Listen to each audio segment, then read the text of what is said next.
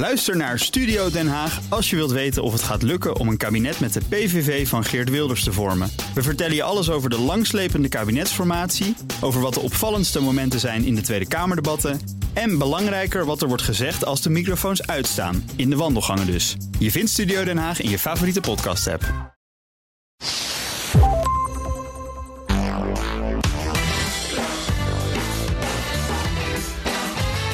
Welkom bij de Ben Tichelaar podcast bij BNR, de podcast over persoonlijk leiderschap. Met elke week tips en inzichten van zeer inspirerende gasten die je helpen om je verder te ontwikkelen in je werk en de rest van je leven. Mijn naam is Ben Tichelaar en mijn gast in deze aflevering is Hans Groen. Hans, welkom. Ja, dag Ben. Ja, Wat leuk fijn om hier te zijn. Ja, nou, ik vind het hartstikke leuk dat je er bent. Ik ga even een paar puntjes uit je cv noemen.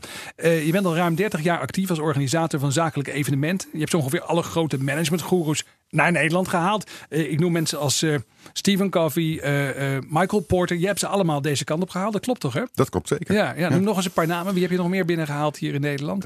Tom Peters, eh, Deepak Chopra, Philip Kotler Ja. en, en meestal meer malen. Ja, fantastisch. Ja, dat zijn echt wel de, de, nou ja, de bekende namen op dit gebied.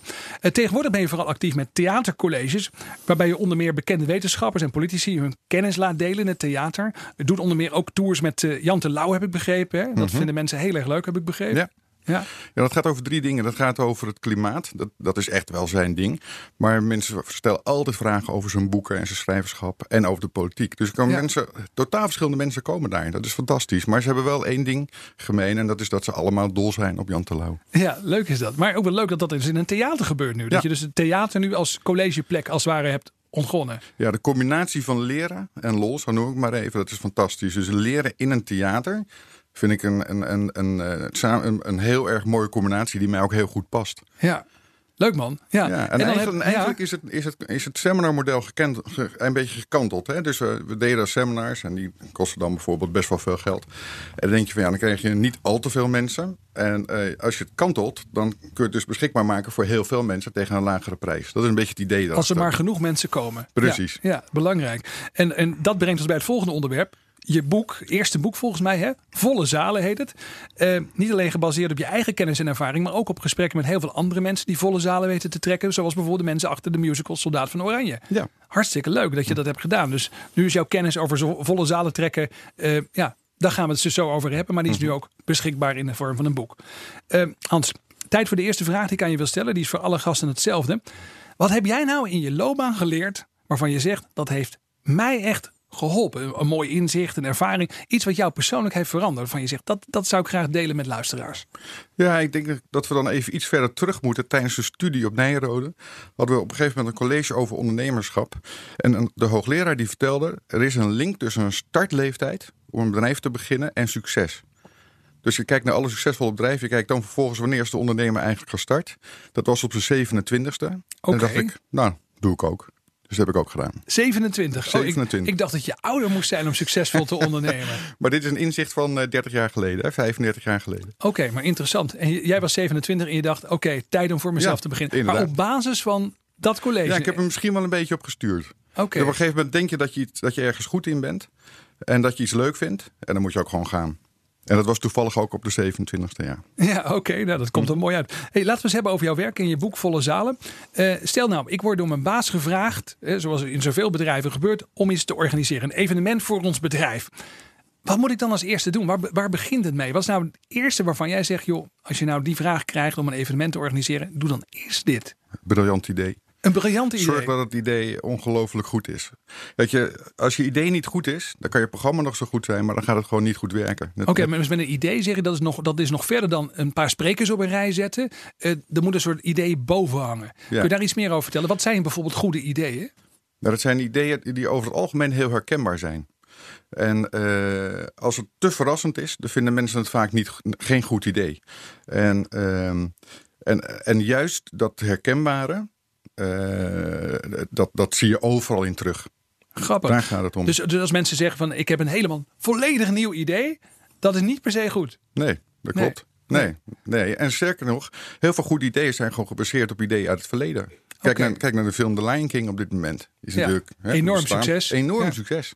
En bestaand idee. Dus eigenlijk dat recyclen, waar ze bij Disney mee bezig zijn, om al die films die wij vroeger hebben gezien toen we klein waren, om die nu weer opnieuw uit te brengen, dat is dus gewoon, dat is dus een goed idee. Ja, en daar zijn ze ook heel erg goed in. Ja. Dus ze doen het over de hele breedte. En ze hebben denk ik ook gemerkt dat als je dat doet, dat het succesvoller is dan steeds maar nieuwe, nieuwe films en nieuwe ideeën uitbrengen. Grappig. En, en, en nou ja, dat brengt ons. We hadden net even over Soldaat van Oranje, een musical die hoe lang al? Eh, Negen jaar. negen jaar loopt. die. Ja. Ongelooflijk. Maar ja, dat was natuurlijk een boek. Dat was Ja. een film die iedereen kent en die iedereen heeft gezien. Ja. Precies. Die herkenbaarheid weer opnieuw. En dat maakt dus ook dat dit zo'n goed idee is. Eh, ja, in dit geval wel. Ik denk dat die combinatie, maar er komt nog veel meer bij kijken. Want ze hebben iets heel erg goeds gedaan bij Soldaat van Oranje. En dat is namelijk de locatie. Oké. Zij hebben een, eh, een, een zaal ge- gebouwd. En trouwens niet zomaar in een theater. hè. Je kan ook gewoon carré boeken. Maar dat werkt in dit geval niet. Zij dachten van nee, we willen zelf een, een hangar in dit geval bouwen. eh, waarbij de zaal in het midden draait. Ja. Eh, rol- en dan kun je, heb je negen Je decors zit met, omheen. het, met het publiek zit je op een draaischijf. en Je wordt Ja. telkens gericht. Nou ja, bijna heel Nederland is er al geweest. Dus ik vertel nu iets wat iedereen Ja. bijna weet. Hè? Ja, bijna Maar- 3 miljoen mensen. Ongelooflijk, ja. En, dan, en dan word je telkens naar, wordt je blik gericht naar een decor wat ze je graag willen laten zien. Ja. En dat is natuurlijk ook briljant. Dat is fantastisch. Ja. Dus die uitvoering, en, en, eh, nou, dat, is, dat is schitterend. Dat is zo goed bedacht. En alles bij elkaar zorgt dat mensen blijven komen. Maar goed, het begint dus met een goed idee. Dus ik word door mijn baas gevraagd van... Hey, eh, verzin iets, hè, we willen een evenement. En dan zeg je, ga nou eerst zitten om een heel erg goed idee te verzinnen. Ja. En dat moet dus ook, als het even kan, een herkenbaar idee zijn. Zijn Ja. er nog tips? Hoe, hoe deed je dat zelf als je eh, iets nieuws bedacht, een nieuw evenement ging verzinnen? Ja, kijk, wij, wij keken ook heel vaak naar namen, bekende namen. Eh, dat, dat, is, dat is ook vaak geen nieuw idee. Hè? Maar Ja. Stephen Covey, die heeft gewoon fans in Nederland. Ja. En eh, trouwens, Simon Sinek net zo, denk Ja. ik. En eh, eh, als je maar een hele grote fanbase hebt, dan komen mensen. Oké. En, en bij Covey, ja, die had het, het boek van die Seven Habits. eh, Dat is, dat is het meest gelezen businessboek in Nederland zo'n beetje. Ja. Hè? Dus dat was dan niet zo heel erg moeilijk, zou je kunnen zeggen. Nee. Nou ja, niet zo heel moeilijk. Je moet het nog wel organiseren. Je moet hem ook krijgen natuurlijk. Ja. en sommige Ja. mensen zijn heel erg bekend in Amerika, maar niet in Nederland. Dus zijn ze heel erg duur, ja, dan ga je ontzettend nat op. Ja, oh, dat is ook wel interessant. Ja. Ja, dus alleen maar een spreker van naam en faam uitnodigen. Hij moet ook echt hier weer herkend worden. hier, ja. Opnieuw weer die herkenning, zeg maar. Ja. Ja. Dat geldt dus ook voor, eh, voor bekende sprekers. Ja. Hey, ehm, dat, zijn dus eerst, dat is de eerste stap. Een briljant idee verzinnen.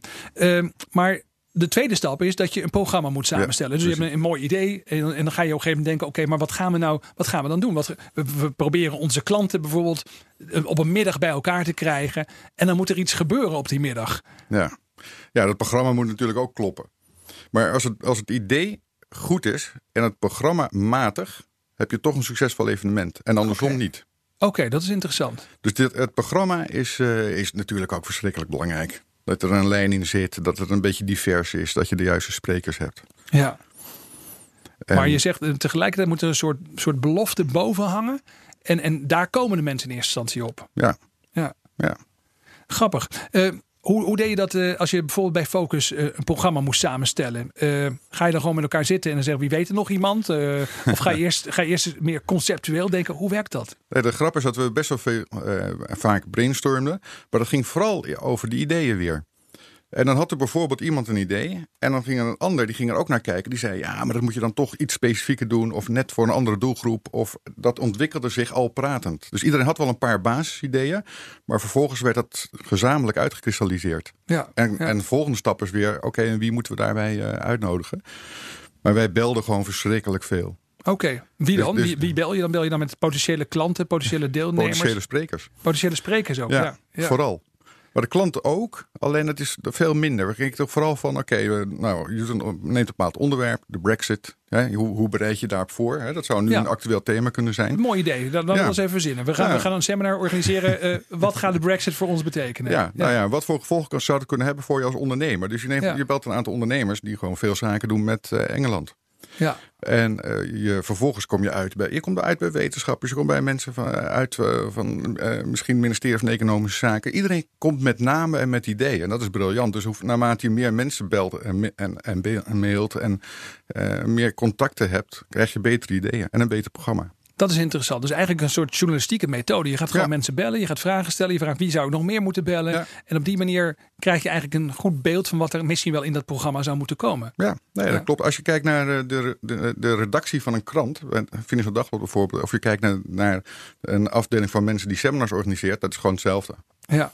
Ja, grappig om dat Ja. te horen. Oh, zo heb ik er nog nooit naar gekeken. Hey, ehm, dan hebben we dus een, een goed programma. Stel dat het is gelukt. Goed idee, goed programma. En dan gaan we promotie bedrijven. Ja, Eh, wat gaan we doen? We gaan posters ophangen? Of we gaan een social media posten? We gaan een viral filmpje maken. Wat, wat moet je doen? dat kan allemaal. Ja. Kijk, bijvoorbeeld, je had het net over Soldaat van Oranje. Soldaat van Oranje doet echt alles, over de hele linie. Dus die doet eh, out, eh, outdoor, indoor, print, radio, tv, alles, alles, alles. Ook borden in de stad. Eh, en dat werkt voor hen. Oké. Ja, maar het gaat natuurlijk om dat je eerst zichtbaar bent. Hè. Het gaat om awareness eh, creëren. En dan want to see. Dat mensen denken van, hé, hey, Ja. leuk om naartoe te gaan. En dan ook gewoon need to see. Dat mensen het gevoel hebben, oh, hier moet ik echt naartoe. Anders mis ik wat. En dat, Ja. dat is gebeurd bij Soldaat van Oranje. Grappig. Ja. Dus je zegt eigenlijk moet je wel eh, onderscheid drie stappen. Je moet het dus eerst weten dat het er is. Ja, zeker. Dan moet je er zin in krijgen. En op een gegeven moment moet het onontkoombaar Ja, worden. precies. Ja. Ja, wat, wat zijn, zijn er verschillende dingen waarvan je hebt gezegd of hebt geleerd in de afgelopen jaren? Nou ja, je doet het zo'n 30 jaar. Ehm, dit werkt wel of dit werkt niet. Als je nou een zakelijk evenement hebt, veel luisteraars die denken misschien, nou, ik, ik moet iets organiseren voor ons bedrijf of ik ben betrokken bij een zakelijk evenement waar we misschien wel een rol spelen. Wat, wat maakt mij nou, wat maakt nou, ehm, wat helpt nou om het te promoten? Wordt te promoten. Ja, weet je, daar zit wel een soort van evolutie in. Hè? Vroeger was internet er helemaal niet. En is later gewoon heel erg, heel erg eh, belangrijk geworden. Vroeger was het gewoon, je maakte een programma en dan ging je dan mailen. En dan gingen mensen op Gewoon per- brieven sturen bedoel Ja, je? Folders. ja, Ja, dat bedoel ik, sorry. Ja. En vervolgens eh, eh, krijg je per fax de aanmeldingen binnen. Zo was het vroeger. En nu is het, dat mailen, dat wordt ook steeds minder. Maar vroeger was dat echt gewoon, dat- alles draaide daaromheen. En, Ja. en, en misschien een insert ergens in of zo. Maar het, het was altijd mailen, mailen, mailen. En dat is eigenlijk niet meer zo. Ik denk dat er eh, de beste evenementen nu, er wordt bijna niet meer voor gemaild. Ja. Dus veel, veel meer social media, veel, veel slimmer. Nou, dit kan helpen, alles kan helpen. Ja. Het voordeel natuurlijk op social media is dat je voortdurend kan peilen, voortdurend kan meten en allerlei dingen tegen elkaar kunt testen. hè. Dat is, eh, dat is misschien wel de nieuwe sport ook op dit gebied. Ja, maar dan kun je per, met mailen per post kon je het ook wel goed mee. Ja, maar het duurt meten. langer, hè? Ja, het duurt wat het langer. duurt voordat je weet hoe ver je bent. Ja. Zeker. Hey, ehm, een van de dingen die jij voor elkaar hebt gekregen, dat blijf ik een briljant verhaal vinden. Het staat ook in het boek beschreven, het Mhm. boek Volle Zalen. eh, is dat op een gegeven moment je hebt onderzocht van wat is nou een managementspreker die managers in Nederland nou echt een keer zouden willen horen. En de grote winnaar bleek te zijn Johan Cruijff. Johan Cruijff. Ja. En Johan Cruijff was voor die tijd geen managementspreker. Dat deed hij gewoon Nee, niet. zeker niet. Nee. En jij wist op een gegeven moment nadat jullie die, die peiling hadden gedaan van ik moet Johan Cruijff hebben. Ja. En toen? Ja, en toen, toen dacht ik, nou, eh, ik ga hem wel bellen of zo. Maar ik, ik kwam gewoon niet achter zijn telefoonnummer. Hoe, hoe- trouwens even by the way, hoe lang Ja. is het geleden? ja, dit is wel twintig jaar geleden. 20 jaar 1999. Oké, 99. Ja, we deden een onderzoek bij. eh, eh, we hadden gewoon een database van zeg 2000 adressen. Die hebben we allemaal gemaild met de vraag van. eh, geef eens de top 5 van beste managementsprekers. Ja. Maar daar is een top 100 uitgekomen. Maar we stelden ook de vraag van wie zou je nou heel graag een keer willen horen.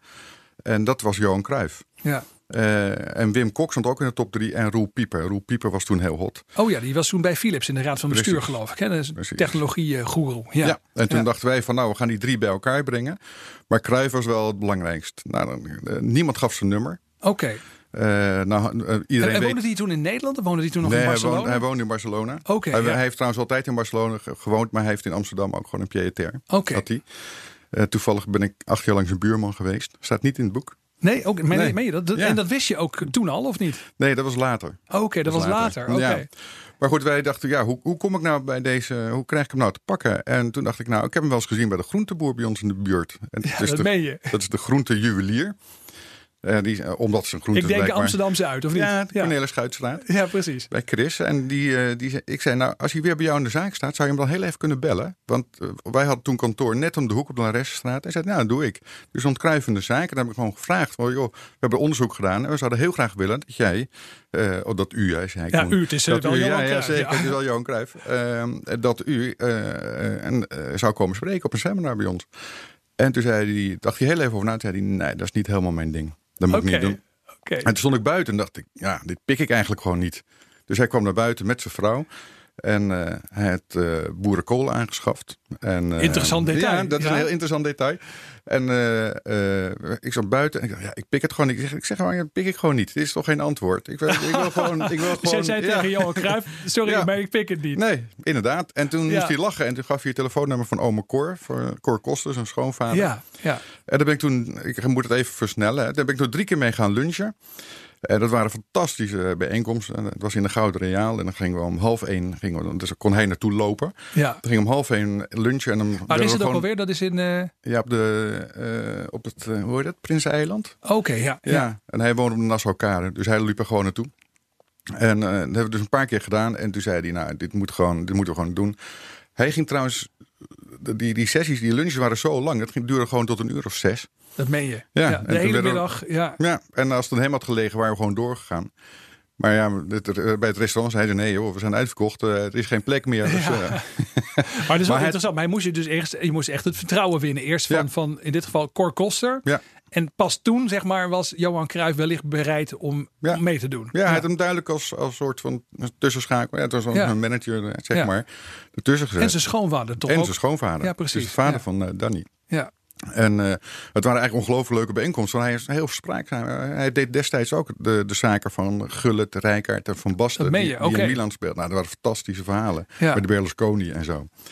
En ehm, nou, uiteindelijk zei hij, weet je wat, volgende keer is Johan erbij. En dan eh, gaan we het rondbreien.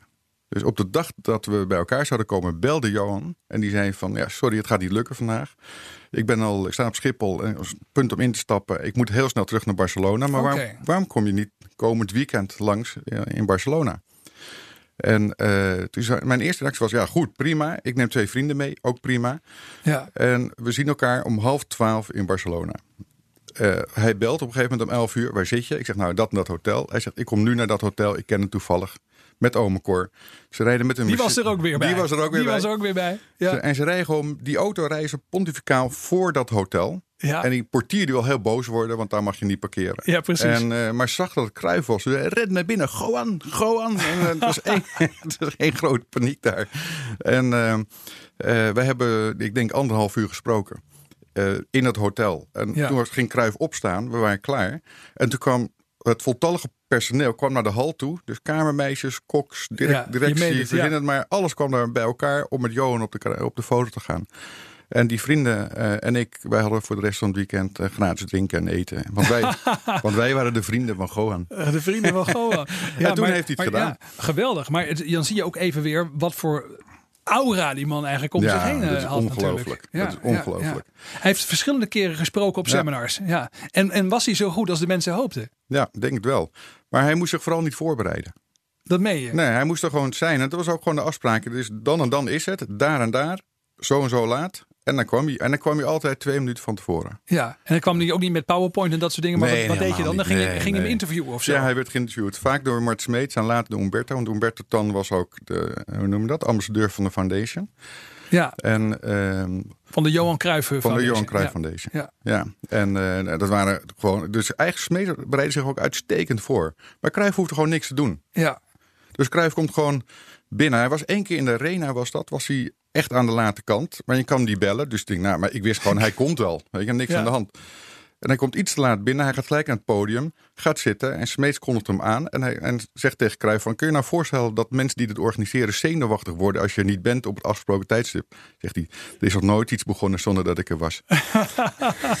en zo, dan heeft hij gelijk weer alle lachers Ja. op de hand. Iedereen eh, vindt het vanaf dat punt leuk. Heb je Ja. nou zelf ook managementlessen geleerd van Johan Cruijff... waarvan je denkt, ja, potverdikke, daar heb je gewoon iets Nou, aan? de, belangrijkste is dat je eh, eh, alles waar je niet goed in bent moet uitbesteden. Oké. had, dat had hij heel, heel simpel. eh, het is een hele simpele les. Maar bijvoorbeeld, hij was niet goed in looptraining. Hij zegt, ja, Ja. dat kan ik allemaal niet hoor. Ik, ik had er zelf ook een hekel aan. Aan, aan hardlopen en die trainer eromheen. Hij zegt, dat moet je gewoon uitbesteden. Ja. Je moet alleen de dingen doen waar je goed in bent. Ik ben tactisch goed. En voor de rest over fysiek en over voeding enzovoort. Dat moeten anderen doen. Erg interessant. Leuk verhaal ook. Ja.